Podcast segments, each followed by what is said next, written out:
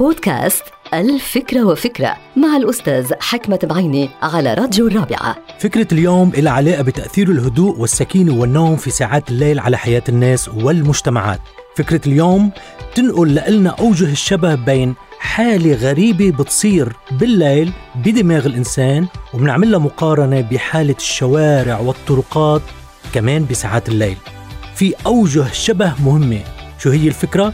الفكرة هي أنه نحن حقيقة بس ننام بالليل بتتقلص خلايا الدماغ عنا وبتتوسع المسافات بين الشرايين والأوعية مما يسمح للسوائل المنظفة والمطهرة اللي موجودة بالدماغ إنه تمرق بسرعة بين هالمسافات وبتغسل بقايا الألياف والأوساخ اللي تجمعت خلال النهار.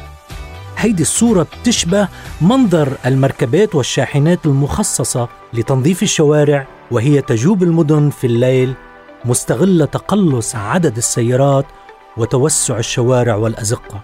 يا للعجب حقيقة يا للعجب لأنه ما يقوم به الإنسان من تنظيف وترتيب للشوارع بالليل أصلا مأخوذ من تصرفات موجودة بدماغه لأنه هذا الدماغ بينتظر ساعات الليل ليقوم بترتيب بيته الداخلي وتجهيز هذا البيت للانطلاق بيوم جديد. فإذا كانت خلايا الدماغ تتقلص في الليل لحتى تنظف ممرات الدماغ وعدد السيارات تتقلص في الليل لتنظف الشوارع فهذا يعني إنه نحن منعيش بسلسلة من التصرفات الكونية المتشابهة واللي بترتكز على مبدأ إنه صراحة لا استمرارية من دون الهدوء والسكينة والراحة والنوم ولا إنتاجية من دون الهدوء والسكينة والراحة والنوم ولا حياة من دون الهدوء والسكينة والراحة والنوم. هذه الحلقة مقتبسة من كتاب الفكرة وفكرة.